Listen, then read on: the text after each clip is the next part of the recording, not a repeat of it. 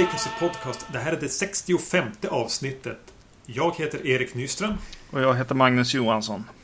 I det här avsnittet kommer vi att eh, ta fasta på någonting som du nämnde i föregående avsnitt om eh, kortfilmer som förlängts till en eh, fullängdare. Just det. Då handlar det naturligtvis om When a Stranger Calls. Och vi kommer att se originalet från 1979, eh, uppföljaren som kom 1993 och remaken från 2006. Eh, när vi pratade om Labeté så var du inne på det resonemanget lite grann. Ja, precis. Eh, att eh, den filmen kändes som och eh, eh visade sig även vara en eh, film som hade en kortfilm eh, gjord och sen eh, expanderade ut efter, efter det för att kunna få Eh, visas på bio och få bättre distribution helt enkelt. Eh, I det fallet vet jag inte om det var anledningen. I det här fallet så var det så att eh, skaparna av den här filmen eh, Ja, Fred Walton är den enda jag har skrivit upp namnet på eh, som har regisserat When a Stranger Calls. Eh, men han har en kollega med också som har skrivit tillsammans med honom. Eh, som jag tyvärr inte har namnet på. Nej, eh, men det är väl Fred Walton som är mannen, brukar det sägas vara mannen bakom When Stranger Calls då från 1979. Och den bygger lite grann på den här eh, gamla eh, vandringssägen eller Urban Legend om en, en barnvakt som, som terroriseras av en någon som ringer och ter, ja, terroriserar henne på telefon. Mm. Och sen... Vi kan väl redan nu säga att vi kommer väl att spoila lite grann i det här avsnittet. Kanske inte några stora avgörande spoilers, även om det kommer följaktligen att vi kommer att prata om uppföljaren. Ja, precis. Och remaken kommer ju bli spoilad ganska mycket på grund av eh, hur den är strukturerad. Men det kommer vi väl till. Just det. When a Stranger Calls. Eh, den handlar om eh, Jill Johnson som är den här barnvakten. Som eh, kommer till ett hus för kvällen och ska sitta barnvakt. Hon eh, får värre och värre telefonsamtal. Det är en man som eh, frågar om hon har tittat till barnen. Have you checked the children? Precis. Den ganska ikoniska eh, frågan. Mm. Det är svårt att och, och lite grann gå in så mycket. Jag, när man pratar om första When a Stranger Calls, i och med att som du säger, du har just beskrivit premissen för de första 23 minuterna. Mm. Eh, och det är ju egentligen två filmer. Ja. Jag tänker att vi kan, vi kan börja med att prata om den första filmen och sen gå vidare på den andra filmen som då är påhänget som kommer. Ja. Så det är egentligen fyra filmer i det här avsnittet. Nå. Mm. Och den är den här 23 minuter men egentligen bara då Carol Kane som spelar eh, barnvakten. Som, Mm. som eh, sitter och försöker plugga, sitter och eh, gör inte så mycket eftersom barnen har gått och lagt sig när hon kommer dit. Ett ganska enkelt barnvaktsgig. Mm. Eh, och, och, och får bli räddare och räddare. Mm. Och det här är ju den här typiska kortfilmen med en liten punchline på slutet. Ja, precis. Carol Kane här tycker jag spelar riktigt bra och det finns en, eh, den här telefonrösten som kommer in är väldigt creepy och bra. Eh, det är en ganska effektiv eh, musik och den är filmad ja, men på ett något slags effektivt sätt. Eh, det finns eh, tanke bakom även om det känns att eh, det är lite ny, nya personer som, är, som jobbar här. Men de har ju definitivt någon, någon slags känsla. Jag får, får, får en känsla av att de kommer från TV. Alltså att de har jobbat, för den har en liten ganska mysig TV-filmsvibb tycker jag. Fast den även så har den ett, ett så här härligt, vad ska man säga det, cinematiskt mörker. Alltså det är väldigt mycket mörklagda delar av rummet som de sitter i. Och, Mm. och den har det här Ja, men det, det känns som det blir en tyngd i det. Som att det, de är vana att jobba i TV men har helt plötsligt fått eh, använda då den här budgeten, de kameror och det som finns när man ska göra en, ja, en biofilm. Mm. Och gjort det de, det de har velat göra. På, på, känns det av tycker jag också i den här. Men du säger om, om Carol Kane att hon är, hon är väldigt bra i, i, i filmen på, på uttryck. Mm. Och det är ju mycket det hon ska göra. Hon ska reagera, se lite olika grader rädd ut när de här samtalen under spel, de här 23 minuterna, eskalerar. Mm. Och det fungerar skitbra. Ja. Ja, hennes eh, alltså, nästan barnlika röst eh, funkar ju väldigt bra i sammanhanget också på något sätt. För det är ju någon slags spökhistoria för, för barn samtidigt den här historien. eh, samtidigt som, som jag tycker att den är så effektiv just för att den, de är och jobbar i liksom vad skulle vara läskigt liksom. Vad, vad skulle vara läskigt för dig när du sitter där hemma eller vad, vad börjar så här börjar kännas konstigt och ljud och, och sånt eh, i tomma hus. Liksom. Eh, ja, men den bygger på att man ska identifiera sig med alltså den här eh, ja, men vandringssägnen. Mm. Att man ska verkligen kunna tänka sig att man sitter där själv. Det här är lite grann när man var ensam hemma. Eh, när man var lite yngre och började höra ljud och började bygga upp eh, fantasier om vad det kan vara som låter eller är det någon utanför? Tänk om någon står och tittar in genom ett fönster på mig nu. De mm. grejerna. Det är det den försöker, försöker fånga.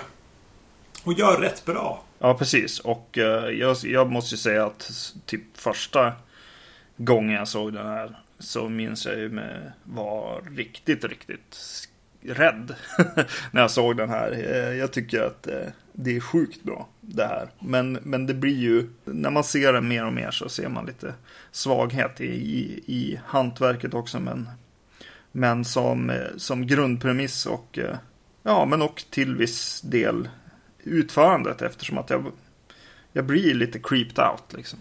Men är inte det här också den här som, som du skulle kunna visa dina barn för ganska tidigt? Om man bortser från att det finns några delar av det som är lite lite hemskare. Men just det här, bara någon som är ensam hemma och blir väldigt rädd med mm. väldigt små medel. Ha något slags, ja men det här spökhistoria, berätta med ficklampa, eh, liksom ficklampsskenet för, för kompisar. Mm. Har den, de, de kvaliteterna. Men eh, vad tycker du om den här THX-musiken? Uh. Alltså temat för är ju någon slags här eskalerande stråkar som är, låter precis som alltså THX-vinjetten. Ja, just det. Ja, just det. Just det. Ljud. Vilket jag tycker att det är en bra cue. Alltså den, ja. är, den har den här lite det här pirr i magen-suget som kan bli det här nackhåren som reser sig-känslan. Men tyvärr så tänker man ju bara på en, en vignett för ett ljudsystem nu. Ja, den har blivit lite så här, i efterhand förstörd. Ja, så jag kan inte låta bli att le lite grann med ena mungipan varje gång. Det där stråk... Du tänkte inte på Nej, det? Nej, jag tänkte inte på det alls. Jag, jag, jag, jag tyckte att det, det, funkade riktigt bra i sammanhanget. Det tyckte jag nog. Eh, men, men ja, jo det är sant. Det är kul. En annan sak jag vill säga då om Carol Kane som spelar då Jill, mm. barnvakten. Att det som jag tycker är ganska härligt är att hon gör alla rätt när hon är där. Eller hon agerar på ett sätt som man tänker att man nog skulle göra själv. Hon ger sig inte ut på så många dumdristiga vandringar i huset utan att hon håller sig där hon känner sig trygg. När hon blir lite rädd så, så gör hon det jag förmodligen skulle ha gjort. Hon går och nallar sprit ur spritförrådet för att, för ja, eh, boosta sitt självförtroende. Och hon ringer väldigt tidigt till polisen också. Mm. Och det skulle man ju förmodligen också göra. Och polisen känns kompetent. Det är mm. inte kling och klang. Utan det är någon som tar henne på allvar, är professionell och, och, och liksom försöker få henne att känna sig trygg. Och gör faktiskt någonting. Mm. Nej men det, precis, och det är ju en star, eh, stor styrka här eh, definitivt med den här filmen och den här eh, liten eh, den här sekvensen. Just i att, ja men man, man kan ju identifiera sig mer med henne eftersom att hon inte gör några sådana dumheter liksom på något sätt. Nej, gå inte dit eller gör inte det. Utan jo, men där gjorde hon ju faktiskt rätt och ringde polisen nästan direkt och, och så vidare. Så det blir ju spännande och det blir ju eh, extra spännande på något sätt när, när allt görs på, på ett sätt rätt. Eh, men det ändå liksom finns ett, ett eh, enormt hot där. Hade man hellre velat se det här som den kortfilm det är innan du vill gå in och prata på resten av filmen? Om du bara ser det som en stand-alone i en så här antologi med tre filmer eller någonting. Hade man hellre bara sett den här biten? Ja. Ja. ja det... Om vi ska svara det... på den redan nu så ja, det tycker jag definitivt. Det här är ju höjdpunkten i filmen, definitivt. Och skulle funka otroligt bra eh, separa separerat liksom från, Mm. från något annat egentligen. Utan Ja. det är en otroligt bra kortfilm. Ja, och den, för den är rakt på sak och den är tight och den håller sig liksom inom de premisser den har satt upp och de går att identifiera sig med. Så det är en, det är en fin kortfilm. Men ty, tyvärr vet jag inte riktigt om vi ska säga redan. Men den fortsätter ju då i över en timme. Eh, och har ni nu inte sett When a Stranger Calls och inte vill få den spoilad så har vi inte spoilat så mycket nu. Men det som då händer eh, Sluta lyssna då om ni inte vill höra fortsättningen. Ja. Hon ringer, hon lyck, det, det är ju då en, en, en, en mördare inne i huset som har mördat de två barnen hon ska barnvakta. Men hon lyckas ju få dit polisen tack vare sitt rådiga ingripande att ringa dem i tidigt skede. Och de stormar dit och lyckas ta fast mördaren innan han ja, hinner göra någonting. Så hon blir räddad av polisen, kavalleriet dyker upp och vi hoppar fem år. Eller är det sex år? Sju, sju år fram. Sju år! Jag blandar ihop filmerna här. Mm. Eh, vi hoppar sju år framåt i tiden. Eh, så har den här mannen som blev dömd för... Eller dömd... mördaren lyckats döms för till eh, Eh, ja, men psykiatrisk vård. Han är, han, är, han är inte frisk. Lyckas rymma från psyket. Polisen som kommer dit, spelad av Charles Durning, har slutat som polis och är numera privatdetektiv. Anställs av föräldrarna till barnen som blev mördade för att leta reda på mördaren. Sätta stopp för honom. Och det vi får nu är alltså Charles Durnings detektiv som försöker spåra rätt på mannen. Vi får även följa mördaren i fråga som har rymt från eh, psyket och är ute i någon slags... I någon stad i alla fall. Vi kan säga att det är Chicago. Mm. jag kommer inte riktigt ihåg. Eh, och försöker hitta, hitta in i ett liv. Och han träffar även en kvinna. Det de säger när han är på psyket är även att han... Han har ju medicinerats väldigt hårt när han har varit där. Och har fått väldigt mycket elchocksbehandling och även samtalsterapi. Så de säger att han kommer ju att vara ganska foglig till en början men vi vet inte vad som händer när, när han eh, medicinerna inte, inte sitter i längre. Mm. Och det är ju en jättekonstig vändning för den här Halloween-historiefilmen att ta. Mm. Att helt plötsligt bli en halvgritty, nästan ett litet stundtals är den som handlar, har den nästan tre huvudpersoner. Vilket, och ingen av dem kände vi under den första under filmens första 25 minuter. Eh, och det är väl en ganska allmän uppfattning om When a Stranger Calls att man gillar de första 25 minuterna. Mm. Och sen är det, är det dryga timmen som är ganska kass. Eh, och jag ska väl försöka på något vis att inte hylla den här delen, men i alla fall ta fasta på det som inte är tråkigt med den. Det blir ju nämligen som en helt egen film. Det skulle kunna vara en helt annan film som börjar här. Ja. Egentligen, nu när vi har gett den riktiga spoilervarningen, får man hoppa in och prata lite mer om de första 20 minuterna nu. Du vill göra en tillbakablick här. Ja, Jag låter dig göra jag det. vill prata om lite detaljer. Så, have you checked the children? frågar han. Och eh, twisten kommer väl eh, när han frågar henne Why haven't you checked the children? Där tycker jag att de gör sitt coolaste cinematiska grepp. När de helt plötsligt låter kameran stå utanför fönstret och visa henne i en slags vinkel uppifrån nästan. Så hon blir liksom nerkrympt där i det stora fönstret. Det tycker jag var väldigt häftigt. Vad är misstaget de gör då? Eller misstagen, det lät som det var. Så om det var negativa saker? Nej, jag tycker också... Ingenting. Nej, eh, nej, men jag tycker att, alltså, jag vet inte. Jag, jag skrev bara upp massa citat för jag tycker han är så härligt läskig på, på tråden liksom. Men vi kanske kommer till det sen. Men det bizarra som de lägger till här efter, efter filmen är att det, han har ju faktiskt tagit död på de här barnen också. Ja, ganska- utan, utan något vapen. Ja, precis. Men det är blod överallt och eh, han har i princip slitit sönder de här barnen.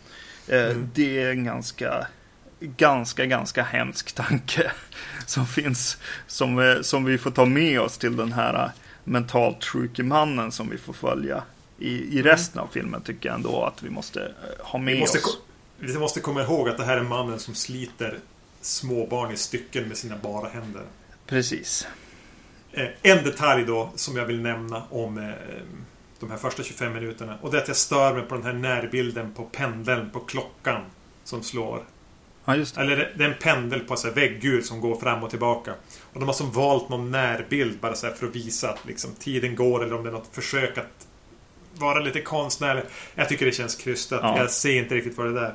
Men de måste, de försöker, de fyller ju ut med bilder så att man inte bara ska sitta och titta på Carol Kane hela tiden. Mm. Ska vi hoppa tillbaka till den här märkliga filmen som tar vid nu? Den här dystra, deprimerande ganska tröga historien om olyckliga och trötta människor. Charles Durning då som har slutat som polis och numera är någon trött detektiv.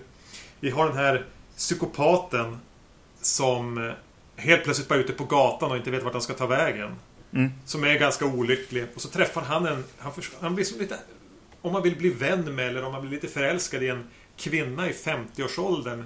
Som också känns ganska... Man får en känsla av att hon har levt ett ganska hårt liv. Mm. Hon inte spottar i glaset. Hon spelas ju av, eh, vad heter hon, Ann på Grönkullas eh, styvmamma.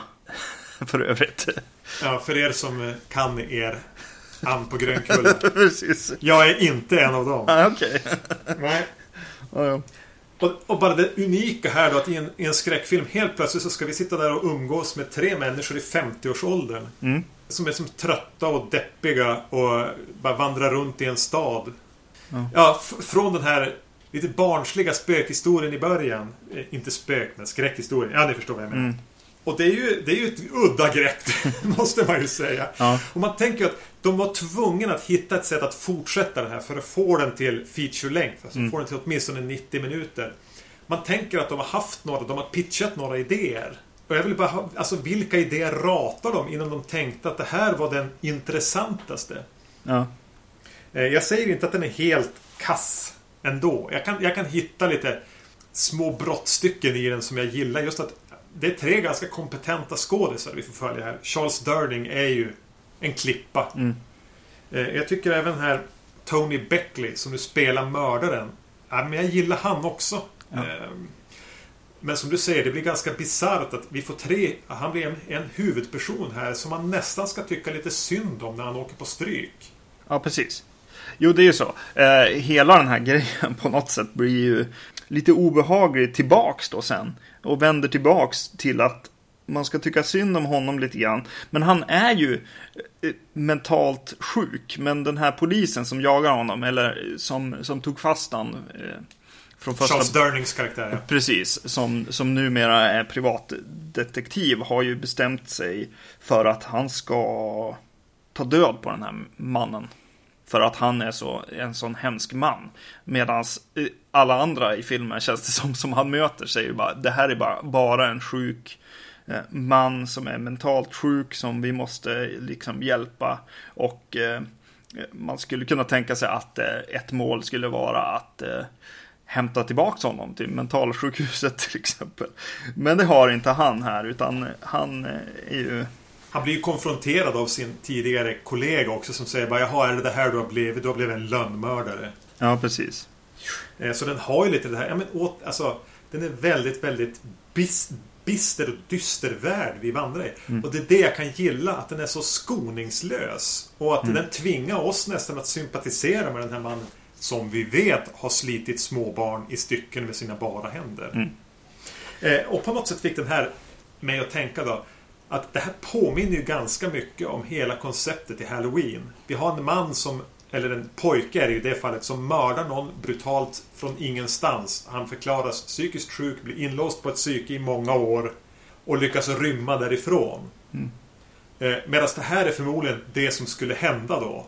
En tungt medicinerad elchockad, förvirrad stackare som blir hemlös eh, i en storstad och inte har en aning om vad han ska ta sig till. Eh, Michael Myers är ju mer street smart. Han vet ju vad han ska göra och, och gör det och, och eh, skonar ingen. Det här är ju bara en förvirrad stackare. Mm. Vilket gör att den blir lite... Ja, precis. Vad gör den? Vad, vad, vad händer med ens egen moral? Vad, Ja. man, man blir lite utmanad.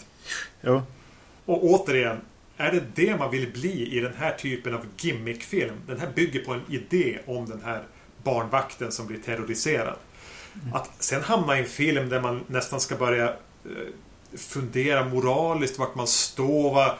Eh, Finns det brott som inte går att förlåta? Va? Mm, ja, precis. Och det, är liten resa, det är en liten resa man tvingas göra. Det är intressant. Eh, samtidigt så här, som det, det, känns som att det skulle vara en Abel Ferrara-film på något vis. Så känns den ändå samtidigt väldigt, väldigt eh, vad ska man säga, skri, skriven, akademiskt skriven på något sätt.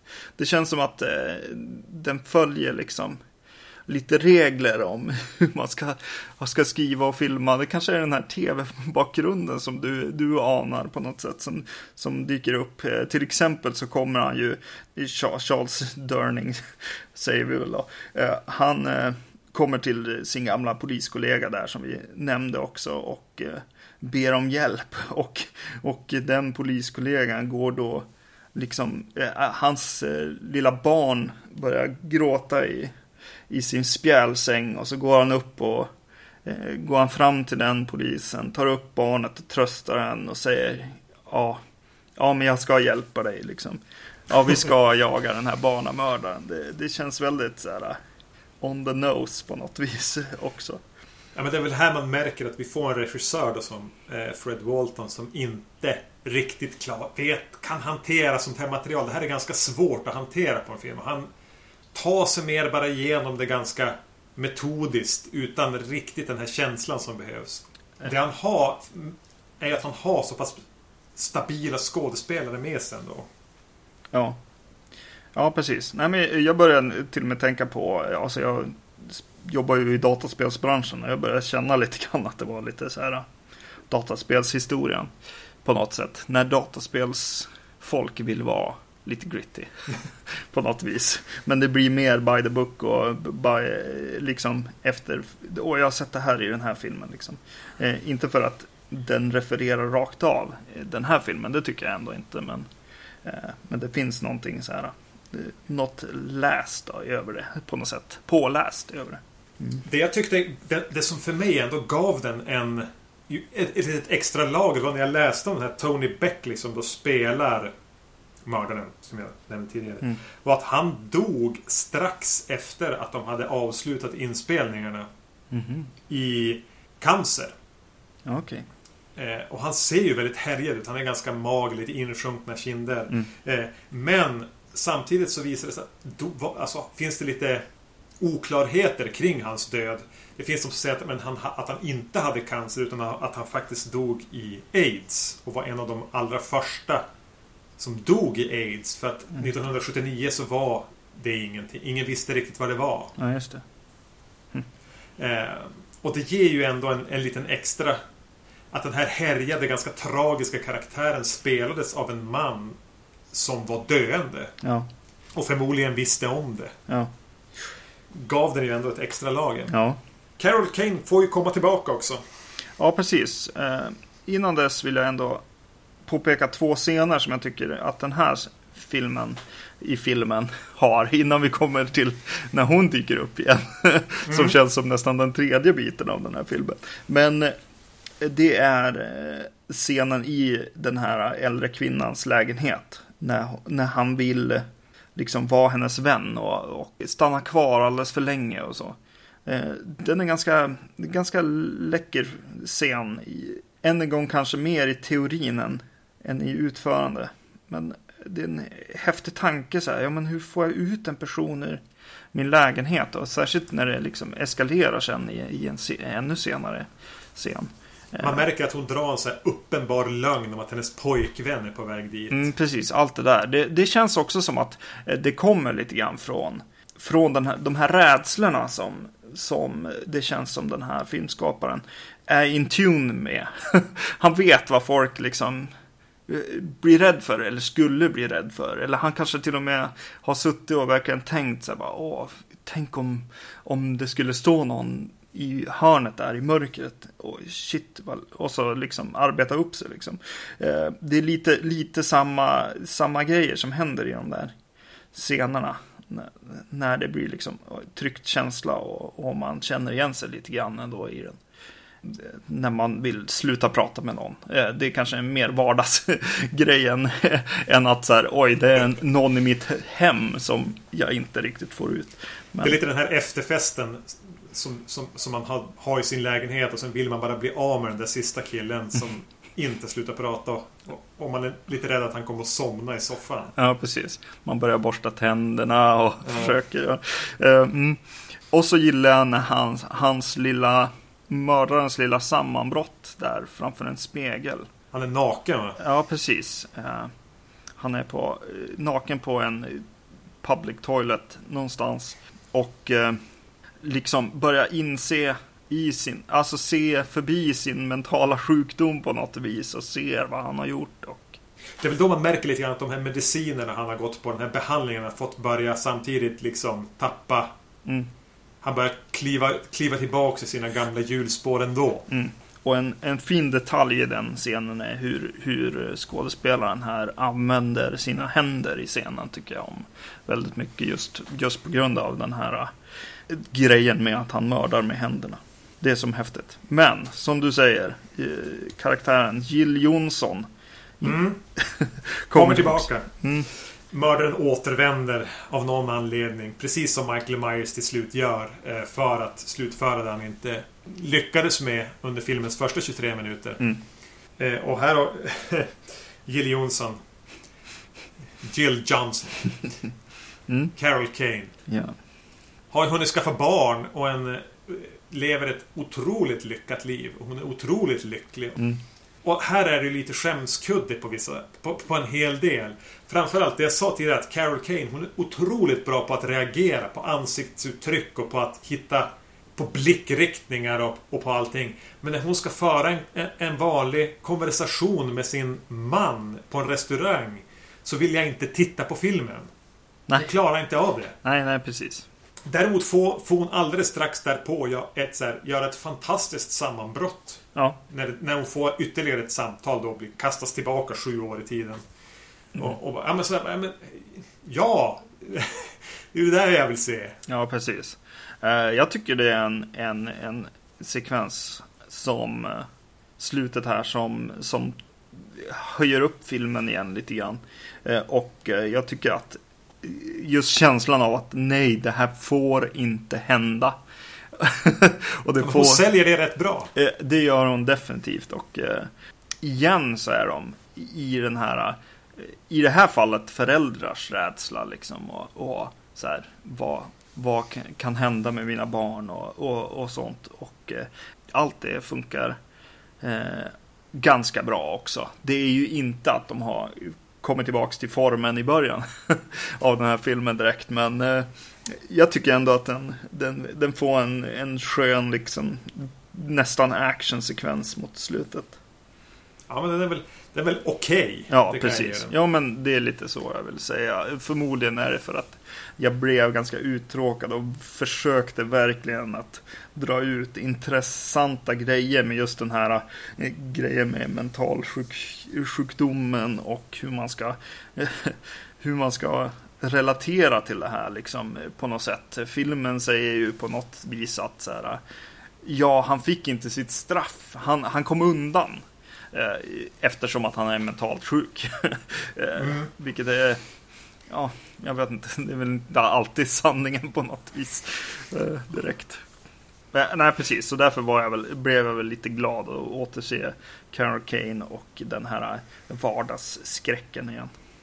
Ja, men för att, för att försöka sammanfatta When a Stranger Calls så tycker jag att man får ja, men man kan pussla ihop den ändå. Alltså man nödvändigtvis vill se hela de här hundra minuterna film eller vad det kan vara. Så har man den här första kortfilmen och sen kan man, får man som, med en hel del god vilja hitta eh, detaljer eller bara vinklar som gör att det ändå på något sätt är lite intressant att se den. Mm. Ända till eftertexterna börjar rulla. Ja. Och just det här med att med den här märkliga moralen. Det är ändå lite fint skådespeleri. Eh, man, kan, man, man, får titta på en man som visste att han var döende när han spelade in filmen. Eh, man får se Carol Kane göra ett fantastiskt sammanbrott på en restaurang. Mm. Ehm, man får som ta det för vad det är. Och, och, och, njuta av de små bitar som finns där. Ja. Även om de inte riktigt passar ihop kanske.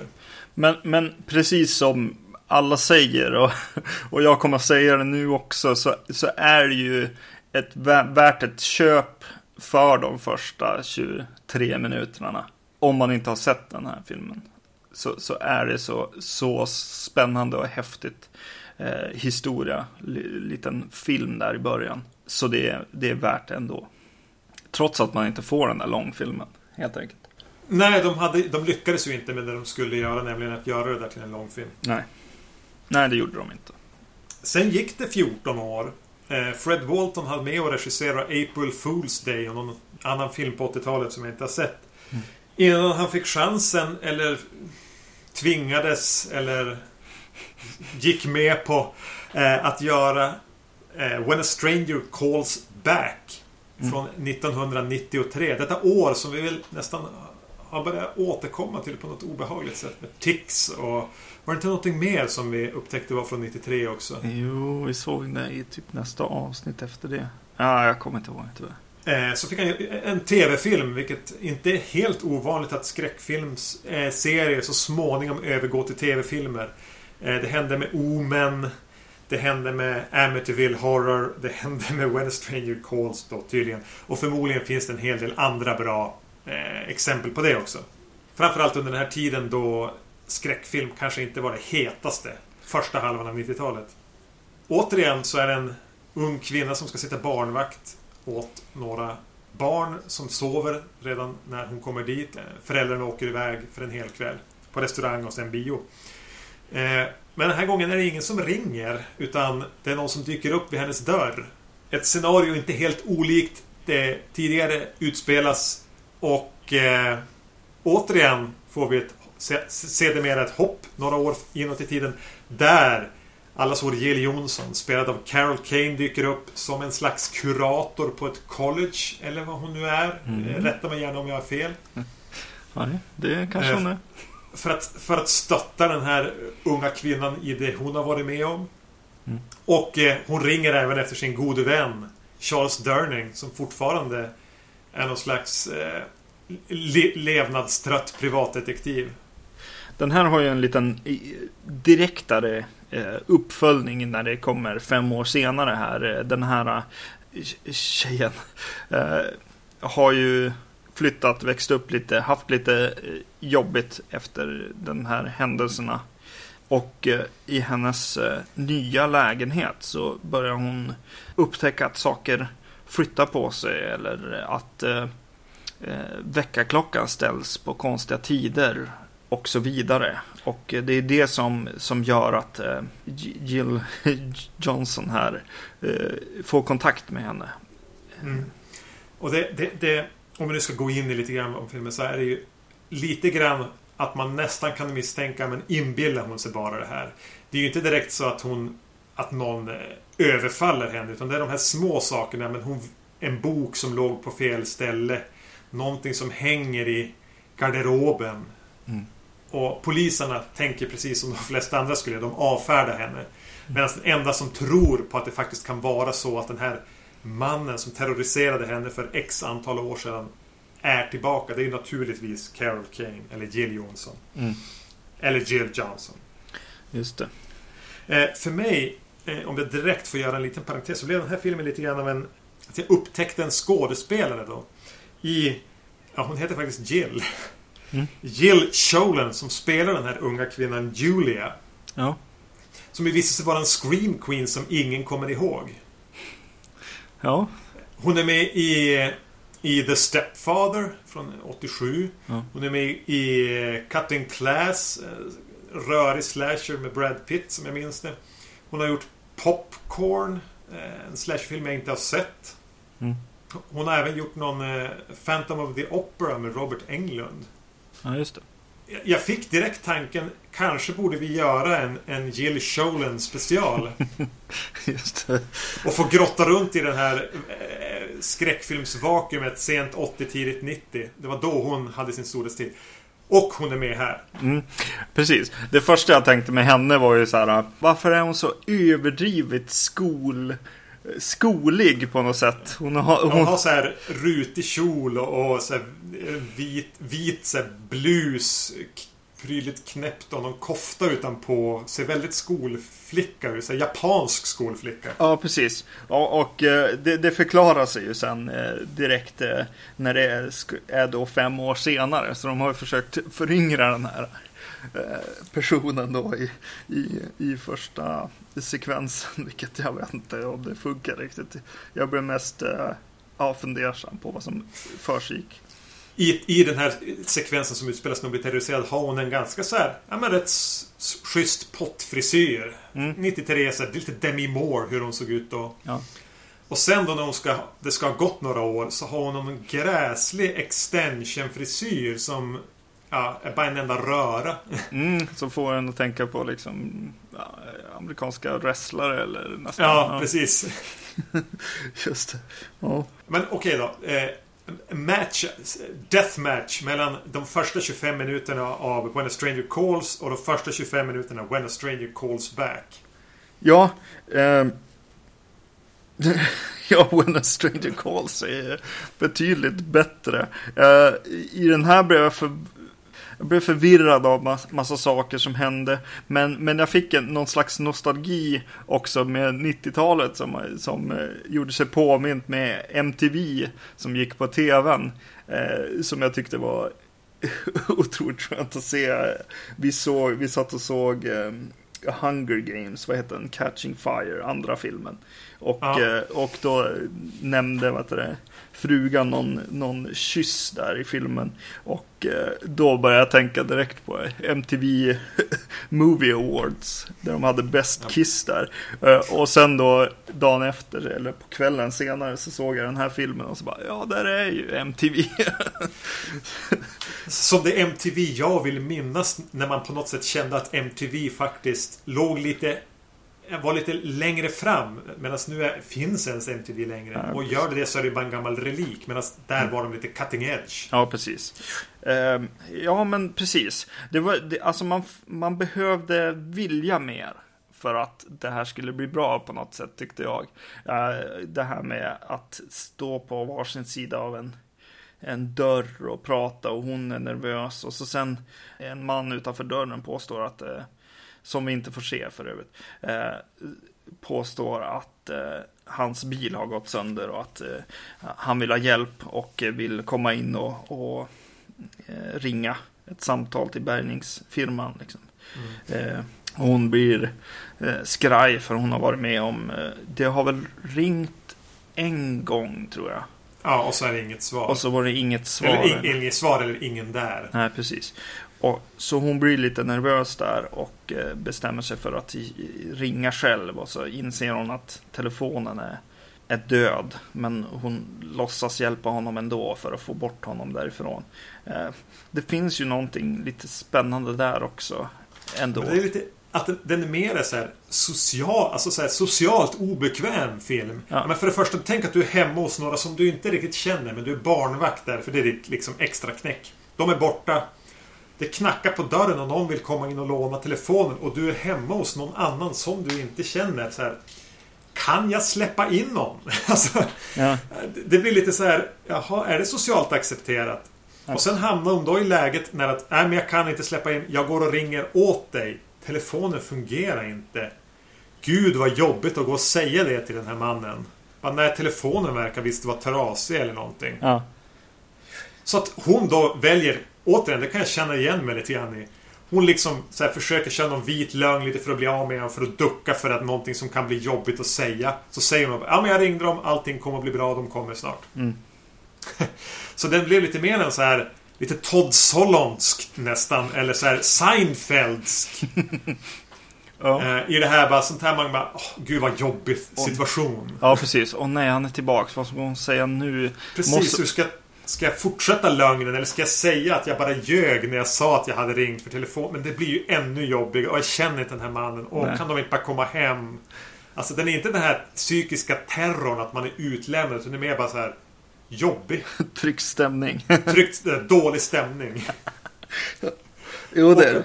Istället för att den är Originalet så är det väldigt mörkt och det här murrigt tunga med mycket svärta. Mm. Så är det här så här 90-tals ljust och vitt allting. Ja, precis. Och jag tänkte först bara Gud vad sävligt det här är. Ja. Men som du sa, om man jobbar sig lite grann och bara ja, men jag ska ge det här en, den, en chans. Jag ska, jag ska vara jag ska inte bara avfärda det här som en tv-films uppföljare. Ja. Så kunde jag ändå komma på att det blev lite spännande ändå under den här inledningen. Ja. Jag blev lite grann bara, vad har de tänkt ta det här? Hur har de, ska de gå vidare med det här? Ja, precis. Nej, men det, det, det var okej. Jag blev också lite störd av bara tekniska grejer. Jag tyckte att hans, hans röst låg lite konstigt. Det kändes som, nästan som att han var i något ljudbås bara. Att så här, ja, det här är bara inspelat liksom. Och så spelar de upp det liksom. Det, den här dörren emellan dem eh, kändes som att den inte riktigt fanns och så där. Men eh, det blev ju bra till slut ändå. Ja, jag tycker de ändå kommer undan. Framförallt med att inte bara göra en karbonkopia på föregångaren. Mm. Ja, naturligtvis, den lutar sig kraftigt mot det med att ha den här bar... Det är ju samma koncept. Men de gör någonting helt annorlunda med det ändå. Och att det är så här, de väljer... Det är jätteljust. Det är, en, det är ingen telefon som ringer. Det är inte... Ja, en annan... Och det lyckas bli lite spännande, lite intresseväckande. Och lite så här, lite Seinfeld-jobbigt. Ja, precis. Och de får ändå använda telefonen ändå, trots att de inte använder den på samma sätt på något Mm. ändå. Ska vi hoppa eh, några år då? När, till, när hon är på college och det börjar hända konstiga saker igen. Hon bryter ihop eftersom någon har flyttat på hennes eh, poesibok och hängt in då. Eh, en tröja i hennes garderob som inte är med där. Det är inte så små saker men... Och, och, och då kommer ju då Jill Johnson tillbaka som counselor på det här colleget och tror på henne. Mm. Eh, För hon har ju varit med om exakt samma sak. Eh, Det var nästan så att jag väntade mig att hon skulle fylla i någonting. Precis som eh, Heather Langenkamp gör som Nancy när hon kommer tillbaka i Elm Street 3 och säger Never sleep again. Just det. För speglingen i hur hon används i den här jämfört med hur Nancy kommer tillbaka i tredje Elm Street-filmen är ganska slående. Ja. Why haven't you? Check the children skulle Carol Kane komma in och säga. Eh, Och hon, just att hon även är någon slags psykolog. Eh, Och att hon även är någon slags skådespelare som Jaha, så ser hon ut nu några år senare. T- Tänker man att folk som är liksom psykolog har gått igenom liksom hemska saker i sitt liv? Kan det vara så? Delvis så tänk är det nog en fördom och delvis så är det ju lite så. Jag som har, det är inte helt ovanligt att, att eh, när jag utbildade mig till socionom att, att de man läste med liksom hade ett trasigt förflutet och liksom ville jag vet inte, förstå sig på sig själva eh, genom att läsa till socionom då. Mm. Men, eh, så det kanske ligger något frö av sanning i det också. Men samtidigt är det lite den här skrivna. Ja, men de var med om något jobbigt, men det har gått bra för... Eller de har lyck, liksom lyckats resa sig ur askan. Och då blir man psykolog. Mm. Men jag undrar vart är hennes barn? Ja, precis. Det var det jag skulle säga just nu. Vart är hennes barn? Vart... Ja, nej, det är väldigt eh, underligt det där. Mm, de stryker dem ur handlingen. Eller så har hon... Ja, precis. Ja, det är viktigare att vara kurator på ett college än att, än att ta hand om de där übergulliga barnen och den jättelyckade mannen. Ja, precis. Men det är faktiskt irriterande. Det måste jag ändå säga. Att jag, jag sitter och tänker på det liksom genom filmen lite grann. Att, så här, bara, men, vad hände egentligen? Hur kom hon till den här rollen? Liksom? Det, det är lite konstigt. Särskilt när man har gjort redan ett, ett hopp i hennes liv och visat vad, vad det blev av henne. Men sen gör vi ett till hopp och visar vad det blev av henne. Och då verkar hon vara ensamstående plötsligt. Ja, precis. Och i och med att man ändå har kontinuiteten att det faktiskt är hon och att Charles Durning kommer tillbaks och de fortfarande har en relation. precis. Ja, men ett Det är litet, som hennes ett litet foto eller någonting liksom. En replik. Ja. Eh, sen han, han, jag förlorade vårdnaden och han var så rik. Eller någonting. Eller, ja, någonting. Hade bara en, en, en replik så hade de kunnat förklara det där. Ja. Men Carol Kane. Mm. Hur är det med hon egentligen? Är hon då en jättedålig skådis? Är hon bara en jättekonst... Är det här en jättekonstig karaktär? Eller gick hon på tunga mediciner under inspelningarna?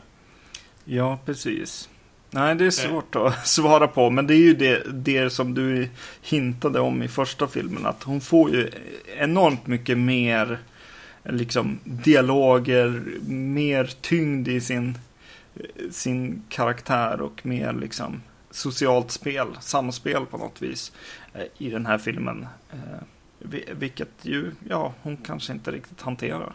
Hon blir lite konstig för mig på samma sätt som Jennifer Tilly kan vara lite konstig i filmer. Alltså att ha ett eget sätt att spela på som... Just det. Inte alls på samma sätt. Där Jennifer Tilly är som en, en babblig galning som bara mm. maler på med en lite irriterande röst. Mm. Som kan vara rätt charmig och kul ibland. Men här har vi mer det här medicinerande, lite, nästan lite sluddriga monotont sätt att prata, lite så frånkopplat. Som jag tänker bara, är det bara så där som Carol Kane spelar sina roller? Eller har hon försökt göra något med den här? Eller är hon faktiskt liksom på rehab? Det här är mm. hennes rehab-film. Just det. Jo, det, hon är verkligen off i den här filmen, det är hon ju. Jag tycker att, att eh, som sagt den här eh, Fred Walton. Jag tycker fortfarande att han, han har ett, en känsla för liksom, vad som är lite läskigt i vardagen. Fortfarande och jag tycker att det finns, finns kvar i den här filmen också. Det, det finns saker som eh, jag vet att vi har suttit och bollat om som, som återkommer i den här. Till exempel liksom foton som inte borde vara tagna och lite sådana grejer. Ja. Som är läskigt på riktigt. Eh, ja, men... Särskilt när man pratar om det liksom, så kan, kan och triggar upp varandra liksom och bollar sådana här idéer så kan man få det att bli jäkligt obehagligt vet jag. Sen vi har diskuterat olika saker. Jag tycker ändå att den lyckas också med lite spänning ibland. Att den, och, och, och det här obehaget. Jag tycker det här är lite psykologiskt obehagligt att den här, för den här Julia att hon hon kan inte komma undan. Hon har, tror att hon har lämnat det där. Det där är flera år tillbaka. Men så börjar det liksom äta sig in på hon igen. Mm. Och det här lite obehagliga att kan det vara så att det faktiskt är bara hon som håller på att tappa greppet mm. om, om tillvaron. Och att det inte, alltså, just det här obehaget, att hon nästan inte kan lita på sig, sig själv. Tycker jag att den, lyckades den fånga mig lite grann. Mm. Eh, och sen blir det lite så att det här är mer en deckare nästan. Mm. Alltså det, det blir lite detektivarbete och det kan jag också halvgilla. Man vet inte vart den ska ta vägen och det händer någonting man inte riktigt är beredd på. Mm. Den går sin egen lilla väg. Sen är väl finalen ganska otillfredsställande får man väl lov att säga. Hela upp, eller förklaringen eller upplösningen. Uh, ja. Jag tänker att vi, vi, vi spoilar inte den. Men alltså, nej, vi gör väl inte det. Jag, jag, jag, jag fick bara en stark känsla av att de är på jakt efter Sideshow Bob. I princip. Ja, det är ungefär den nivån på... På, på, på skurken. Ja, precis. Nej, men precis. Eh, lite, eh, alltså jag, jag, kunde se den här filmen. Ja. Men jag har sett mycket sån här film så att jag vet inte vart jag ska lägga mig riktigt. Men Eh, det, det är ett kul komplement tycker jag ändå också. På ja, precis. Är man verkligen gillar den första eller även om man bara gillar de första 25 minuterna av första filmen så kan det som vara kul att se vad man kan göra med ett koncept 14 år senare. Mm. I en film som är så tydligt stand-alone som When a Stranger Calls är. Att den knappt var en hel film. Alltså den är, mm. den är en idé. Och så gör man en uppföljare på det och ta in delar av det som hör till den dåliga idén. Ja. ja. Eh, den, är, en, den är lite egensinnig. Ja, precis. Och är någon slags reimagining samtidigt som den är en uppföljare. Ja. Segway. Eh, så går vi över till eh, When a Stranger Calls från 2006. Vilket är en remake då på originalet. Eh, ja. Camille Bell spelar Jill Johnson. Och eh, för regin står Simon West. Förmodligen mest känd för att ha regisserat Rick Astleys video Never gonna give you up. Just det. Eller då så har han regisserat filmer som Con Air, eh, Tomb Raider, remaken på The, The Mechanic har han gjort. Och eh, Expendables 2.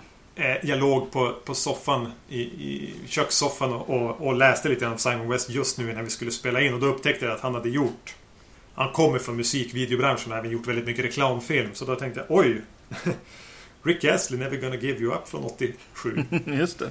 Eh, Så då såg jag den videon för att se om jag kunde se några spår men Ja, nej jag vill, jag vill, inte, jag vill inte utveckla det annat än att Rick Astley har på sig en blotta rock och står i en gammal borg. Ja, just det.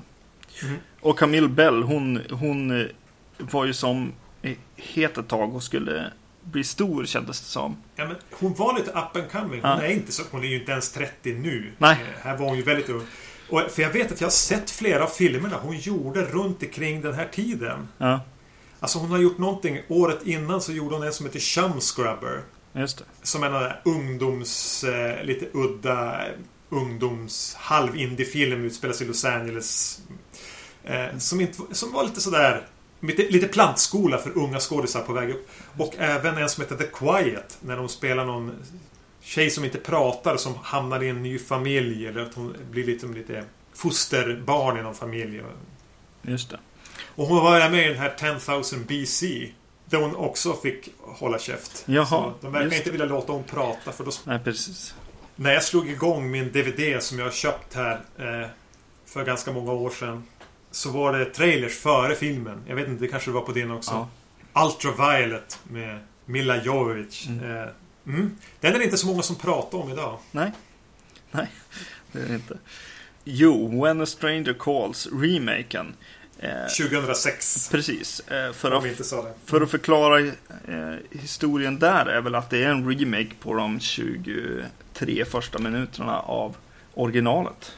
Mm. Utkavlat till 87 minuter. Just det. Vi får här ett intro eh, som är lite under förtexterna. Mm. Eh, där man får se lite grann vad mördaren gjorde innan han kom till Camilla Bell. Just det. Och jag tycker det är ett jättesvagt intro. Ja, Vad hände med, med, med vit text på svart bakgrund, namnen och sen, sen får vi träffa Jill Johnson. För det här, den är, för det första så är, de gör så här jump cuts och försöker bygga upp någon spänning genom att klippa lite, eller spänning försöker de försöker göra lite ja, vad, häftigt. Ja, jag vet precis. inte. ja, Eh, Jag vill inte veta någonting om vad den här mannen har gjort tidigare. Jag vill inte veta vad han gör sen. Han ska bara dyka upp i det här huset. Ja. Alltså så- ett väsen nästan. Och, och, och, och inte nog med att det är en dålig idé, den är dåligt genomförd också. ja. Jo, precis. Eh, väldigt, eh, vad ska man säga, daterade förtexter. Man, man vet när den här filmen är gjord. Och Ja, typsnittet Ja. framförallt. Ja, var- precis. Och det här att vad det, den, den försvinner med lite rök så här. Eh, och, eh, och så just att den har så här den jättekonstgjorda Suburbian som, film, eh, som det här sekvensen utspelas i. Och så de snabba zoomningarna, klippningarna och allt det där. Det blir ju lite tråkigt. Och som, som du säger, rent narrativt så är det ju jobbigt att att få en presentation av honom överhuvudtaget. Eh, sen, sen blir jag helt förvirrad också. Var- Vart, vart fan är de någonstans? Det, fin- det är ett villaområde. Eh, det finns en... Eh, Ett nöjesfält, Ja, en tivoli. ja, precis. Det är ett tivoli vid Suburbia, liksom villaområdet. Det finns en eh, Jesus Saves-skylt eh, mitt i villaområdet. Neonskylt, ja. ja. Precis, som ju är en referens till originalfilmen ändå. Och, och så sen är det någon oljepump eh, där på Ja. plats och eh, några searchlights eh, riktade mot himlen också. Vart, vart, vart är de någonstans? det bara allt på en gång. Ja, men det är typ en... eh, eh, För, det, för, för visuellt så, så är den inte det minsta lik det som kommer sen. Att här har ju någon bara skick, vi, måste, vi måste ha en annan start på den här filmen. Mm. Jag vet inte, nu gissar jag bara. Och så har de skickat ut liksom en fotograf och någon ung och hungrig 22-årig regiassistent Mm. att, att slänga ihop det här. Att det kommer direkt från producenter, eh, finansiärer eller, eller någonting. Vi måste ha någonting annat i början. Det är alldeles för långt. Det här är en skräckfilm 2006. Det kan inte ta så här lång tid innan det dör någon. Ja.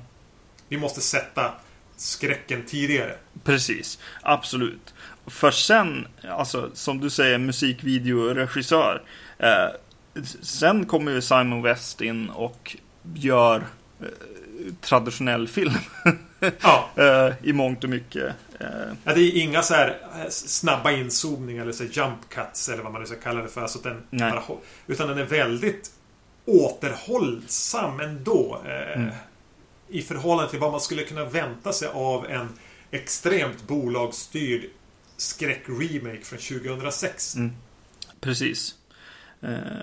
Ja, jag hoppar in och avslöjar väl att jag tyckte att den här var ganska bra eh, när den kom. Såg du den på bio också? Ja. ja För jag minns att jag såg den på bio med några kompisar i Skellefteå. Och det var lite roligt att se på bio också. Mm. Eh, jag tyckte då och faktiskt nu också om att den är lite återhållsam och låter sig ta, eh, ta lite tid och, eh, och så vidare. Men det finns ju några så här stora grejer som bara Fan, det där skulle de fan inte ha gjort. Eh, den största sådana är ju en kompis som Ja. kommer till huset och eh, Ja, den sticker ut så det... det, det, det mitt, ja. mitt i att det är så här telefonsamtal och, eh, och så inget har presenterats egentligen om att det eventuellt kanske finns någon i närheten ens av det här huset utan att det bara är prank calls. Här. Så bara får vi en scen där en, eh, en kompis kommer dit och eh, på väg därifrån så blir hon överfallen. Mm. Och det blir en jaktscen, alltså verkligen. Och det, det är jätte, jättedåligt. Och, Men, men så här, vil- vilja och våld skulle jag kunna acceptera att kompisen dyker upp. Även om det punkterar liksom den här känslan av att hon är så ensam där. Mm. Men då skulle kompisen bara ha fått åka därifrån sen. Vi ska inte få se hennes öde. Nej, precis. Det där är ditklippta scener i efterhand. Det är producenter som har känt att så här. Men eh, när händer det någonting då? när de gjorde Scream så hände det saker var 15 minut. Nej men, eh, lite så. Eh, så det är påtvingade eh, scener, sådana saker. Och eh, när du säger det om förtexten så är det säkert det också. Det är Ja. också så här, jo det finns ett hot där, ni ska veta det. För att, För att ni är, vi, vi förväntar oss att ni är dumma i huvudet. ja precis. Det är så tydligt att man hade kunnat klippa bort det och vi hade haft samma film. Fast Mm. lite bättre. Ja, precis. Vi, Du, är det, var, du, du var som att det var någonting mer som du som var, stack dig i ögonen. jo, en sak till. Och det är när de klipper bort i samtal med, eh, om det är pojkvännen, till en fest som hon skulle fått gå på om hon inte var grounded på grund av att hon har använt för mycket telefon. Hon har, ri- hon har ringt för mycket på sin mobil. Ja. så, så klipper de bort från huset i scener som skulle lika väl kunna utspela över, över telefon. Liksom. Eller han, hans roll skulle kunna utspelas över telefon. Ja, man vill inte ut och andas. Nej, Man vill vara i... Alltså, man vill ju vara lika ensam och utsatt i det där huset som hon är. ja, Jag vill inte till den där jädra festen och titta på hennes meningslösa pojkvän. Alltså, eller hennes en, lika meningslösa kompis som är där. Och ljudet i de telefonsamtalen är så pass bra producerat. Det är dålig mottagning på den här festen och eh, man hör liksom eh, festen i bakgrunden. Eh, man behöver inte bilderna överhuvudtaget känner jag. Ja, nu hoppade jag fram lite grann tycker jag. Eh, något som slår mig väldigt tidigt i filmen. den börjar på high school. Eh, I, ga- Ja. I ganska torra, lite konstiga, så här, styltiga scener. Särskilt mellan eh, tre tjejer där som, som är, ja, Jill, Jill Johnson, som hon ju faktiskt heter. Även här. Hon eh, har eh, gjort slut med sin kille för att hennes bästa kompis har varit och eh, kysst honom. Eh, Eller de har kyssts helt enkelt.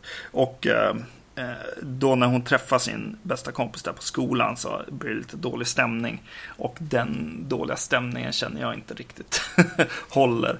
Eh, men den första scenen på, eh, på, eller bilden på Camille Bell är När hon springer på de här löpbanorna eller? Ja, det tycker jag är skithäftigt. Eh, inte för, för hennes del, utan för själva löpbanan.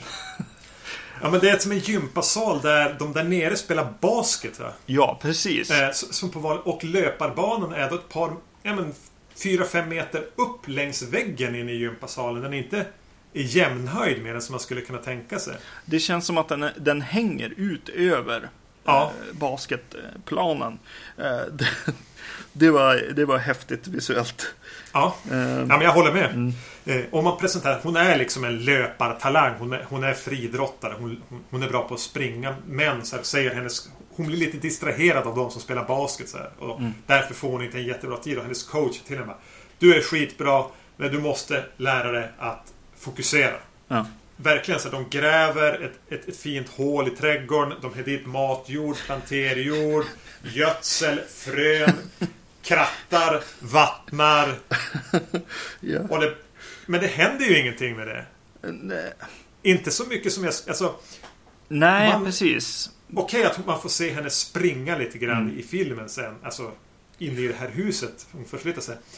Mm. Men det faktum att hon inte kan fokusera. Att hon måste lära sig vara mer må... Alltså, Mm. Jag tycker inte att de gör en tillräckligt popcorn-tydlig skördning av det. Nej. Nej, det gör de inte. Men eh, det kommer en till sån.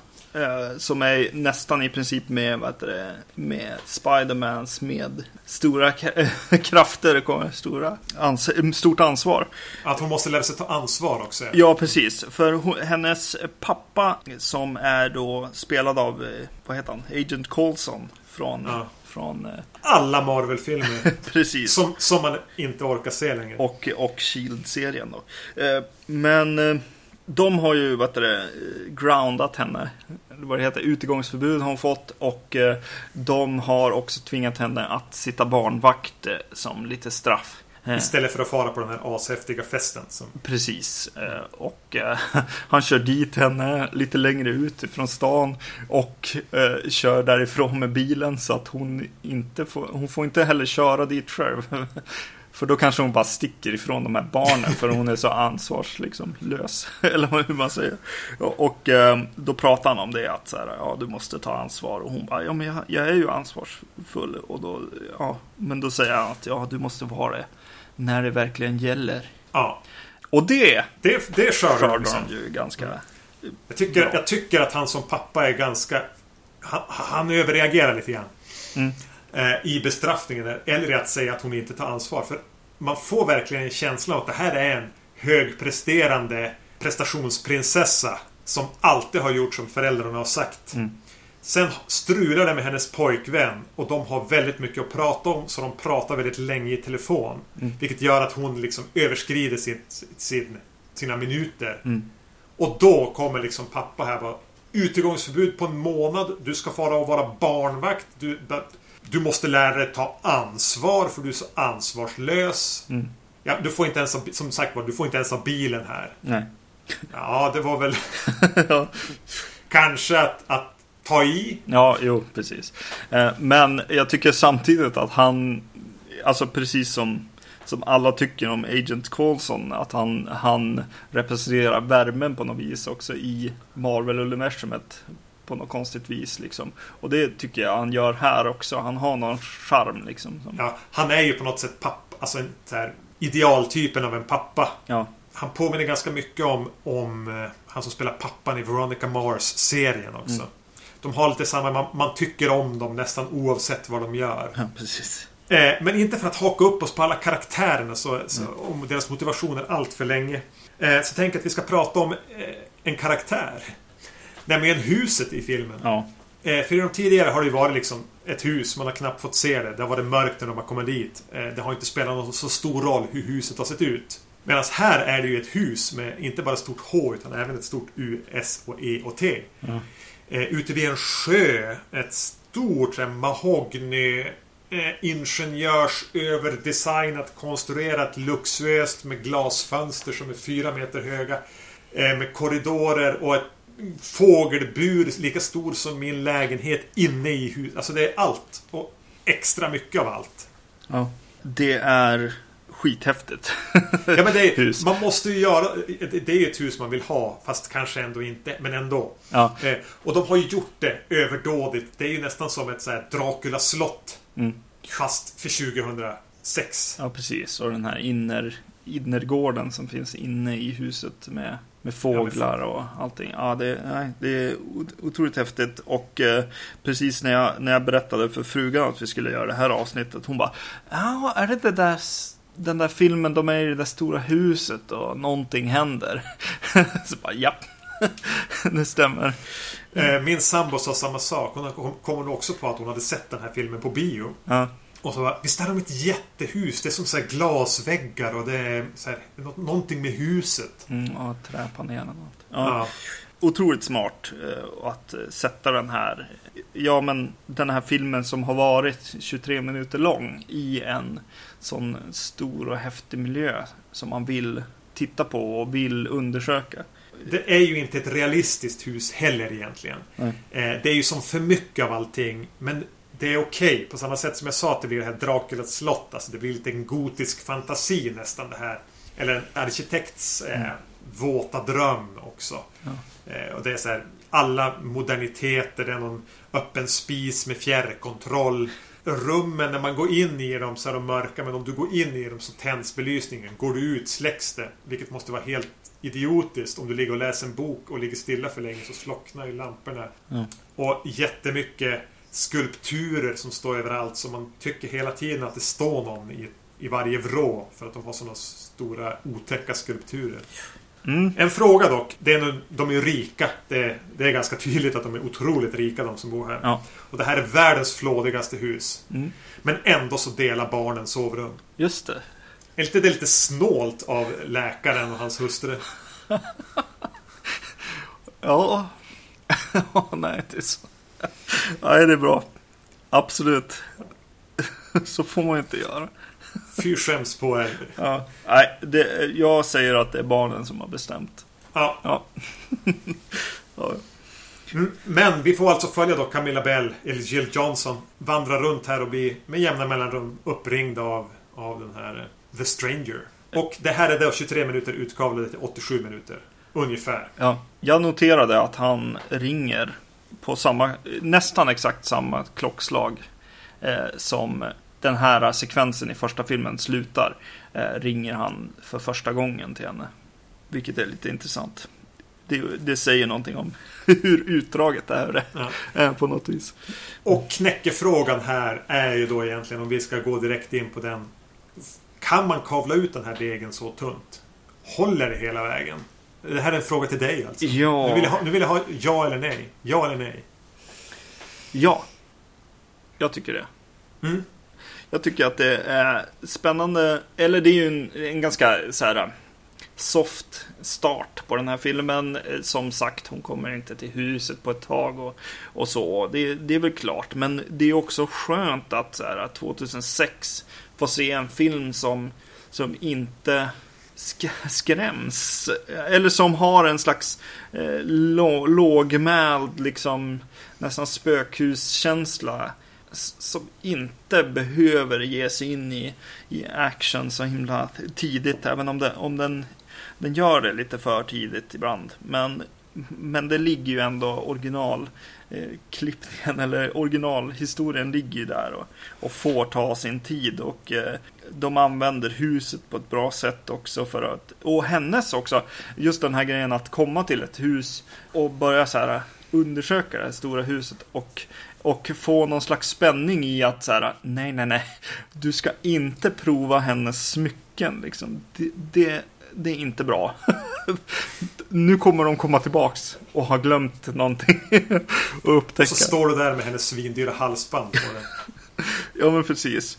Eh, och så sen, ja precis. Och, och vissa av skrämselgrejerna tycker jag funkar bra också. Och, och en del som de vänder på tycker jag är lite kul sådär. Det, det är klart det är ett övertydligt eh, påhittat men just den här grejen att eh, det tänds i rum där hon inte är. Mm. Är ju lite nytt sådär. Eh, som jag tyckte om. Eh, ja, men den har, jag, jag, jag håller med. Jag tycker den lyckas hålla det här tillräckligt spännande hela vägen igenom. Det, det, det, det jag får som att jag, jag, blir lite... Men det här är ju helt tomt. Mm.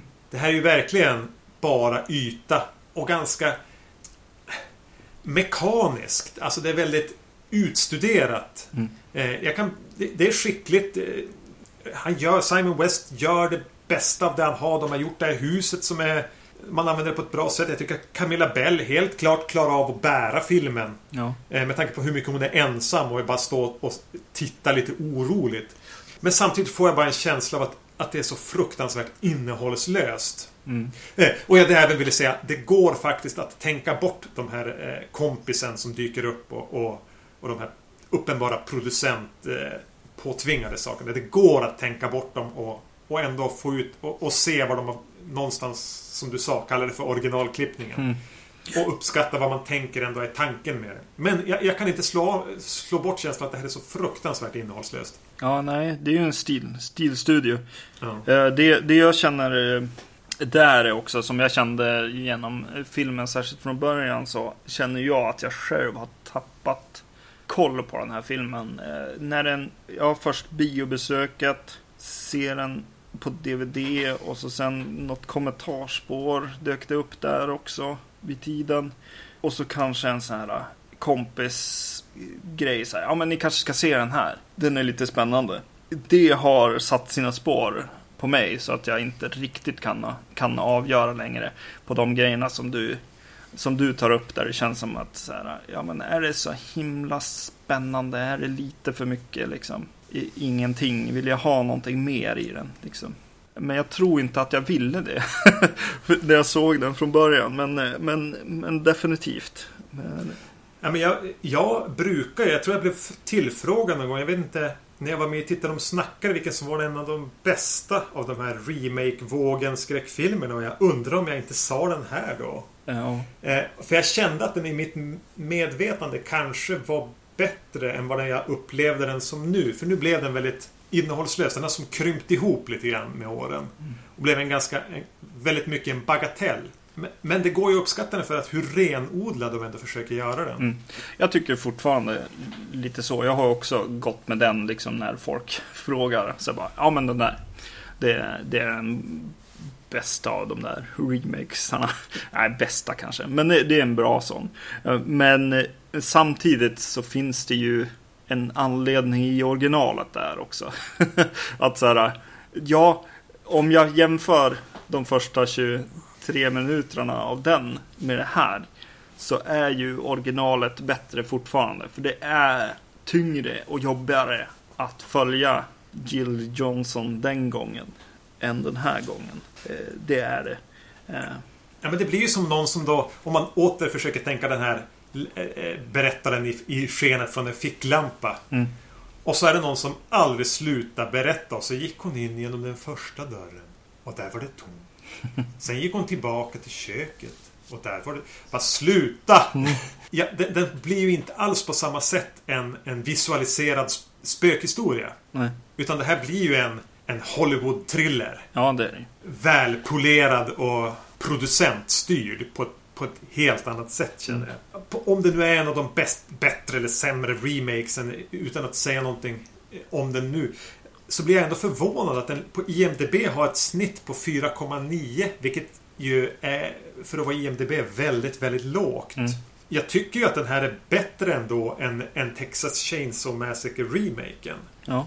Och, och mycket annat så håller jag... Jag skulle nog fortfarande säga att den är bättre, men den har ett snitt som är mycket lägre än en mycket annan skräck som eh, kommer vid den här tidpunkten. Och det förstår jag inte riktigt. Men vet du vad det är? Den tar sin tid. Alltså den är ju mer 70, 80 eller ännu tidigare än vad, vad biogåarna vill, vill se, höll jag på att säga. Ja, här, i det här fallet hade producenterna rätt alltså. Ja, för att få eh, bonuspoäng. Alltså det är ju som när jag såg Zodiac på bio. Och jag satt hela tiden bara eh, på the edge of my seat. Eh, på riktigt verkligen. Jag satt verkligen framåtlutad och tittade på den. Och var på helspänn bara rakt genom filmen. Och så när jag går ut så är det nå- några, ett tjejgäng är det i det här fallet. Som bara, åh gud vad seg den var. Sa de bara. Och jag bara, va? va? Vadå? Det var ju typ det mest spännande jag sett. Nej, det, det är ju... Den är ju egentligen mer riktad då till dig och mig. eh, Ja, precis. Men den är för... Då är den för Hollywood-glättig och tom för att riktigt gå hem hos oss. Det, är därför... Medan den är, den är för långsam och för konceptuell på något vis. eh, I det att den ska vara långsam. Mm. För att gå hem till den publik som den har chans att eh, få pengar från. Ja. Så den, den, den har ju ingen publik den här filmen. nej, nej, det är lite svårt. Ja, någonting mer som är ju lite skönt med den här är ju att det är en, en tjej som får, får en hel film för sig själv i princip.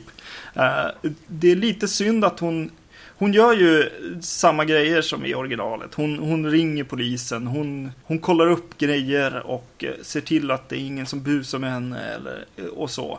Men hon... I den här filmen gör hon några sådana där... Klassiska skräckfilmsdumheter. Ja, precis. Eh, hon springer till en gäststuga bland annat som kändes väldigt bara, åh. Och så måste hon stå och eh, förklara för publiken i dialog till sig själv. Eh, prata med sig själv helt enkelt för att förklara att säga ja men vänta det här hänger inte ihop. Det, här, här är det någonting som inte stämmer liksom. Och det är det här som inte stämmer. Hade, det är lite synd. Det han har så tänkt var det övergripande om man ska titta på de här tre filmerna just kring barn så måste jag säga att det är en briljant idé att skriva in barn som är någonting som alla alltid vill skydda i alla lägen i filmer. Men låt dem ligga och sova i sina sängar så slipper vi barnskådisar som ska alltså, springa runt i pyjamas och, och vara dåliga och temposänkare. Att bara, låt dem finnas där som ett fenomen men visa dem aldrig i bild. Låt dem inte ha några repliker eller göra speciellt mycket. Ja, eh, exakt. En annan eh, sak som slår en när man ser den här filmen, särskilt om man ser den i, i, i när, nära in på originalet, är ju att eh, det är jättemycket dialog som är bara rakt av. Alltså ord för ord. Ja, framförallt när hon pratar med polisen på telefon. Ja, precis. Dialog också som hon har med, med mördaren är ord för ord. eh, Vilket jag tyckte om i, sluten, i, slutändan ändå. Det är eh, Lance Hendrickson som gör rösten till mördaren. Han, han verkligen ja, ja, men förstör verkligen en av eh, linesen från, från originalet i den här i någon slags ja, upphetsad alldeles för snabb version av, av linen som ändå är en one-liner på något vis. Hon frågar till slut, men vad, vad vill du ha av mig? Och han säger Your blood all over me. Säger han i originalet. Och Lance Henriksen säger Your blood all over me. Det låter som att de har kört så här 200 olika tagningar på det. Ja, Och till slut han bara, ja men om jag säger den så här då? ja precis. Your blood Sen- all over sen- me. All over me. Är jättetråkigt att det är så spännande line. Alltså det är ju typ det värsta någonsin. Som någon har sagt till någon. Och så sen bara fumlar han. Tråkigt. Jag satt också och tänkte förutom på varför de inte låter barnen ha varsitt eget rum är varför de inte litar på sin spanska hemhjälp som barnvakt. De här rasseläkarna. Utan de tar dit den vita flickan som de aldrig har träffat för. Ja. Jaha, skulle vilja ha ett snack i en rum med de här som rår om det här huset. Ja, precis. Du är mexikansk. precis. Vi måste ta dit en 16-årig tjej istället. Eh, ska vi försöka sammanfatta de här tre filmerna med att man kan gott och väl se alla tre men livet blir ju inte fattigare om man inte gör det om man bortser från de 23 första minuterna av första filmen. Ja, det är ju det starkaste kortet, definitivt. Eh, början av originalet, definitivt. Och, men om man är en sån här person som tycker om när skräckfilm är ny och, och har typ färg och, och ljud och sånt. Moderniteter. Eh, så tycker jag att det här är en helt eh, en kompetent liksom 2000-talsfilm. Ja, eh, jag håller väl med. Nästa gång kommer vi titta lite grann på icke-italienska giallos. White of the Eye och Amsterdam är filmerna som vi då kommer att avhandla. Tills dess vet ni väl ungefär vad som gäller. Ni kan mejla oss på podcastetvacancy.se. Vi finns på www.vacancy.se. Vi finns på iTunes, Facebook och på filmfenix.se. Eh, Vi hörs nästa gång. Det gör vi. Hej! Hej!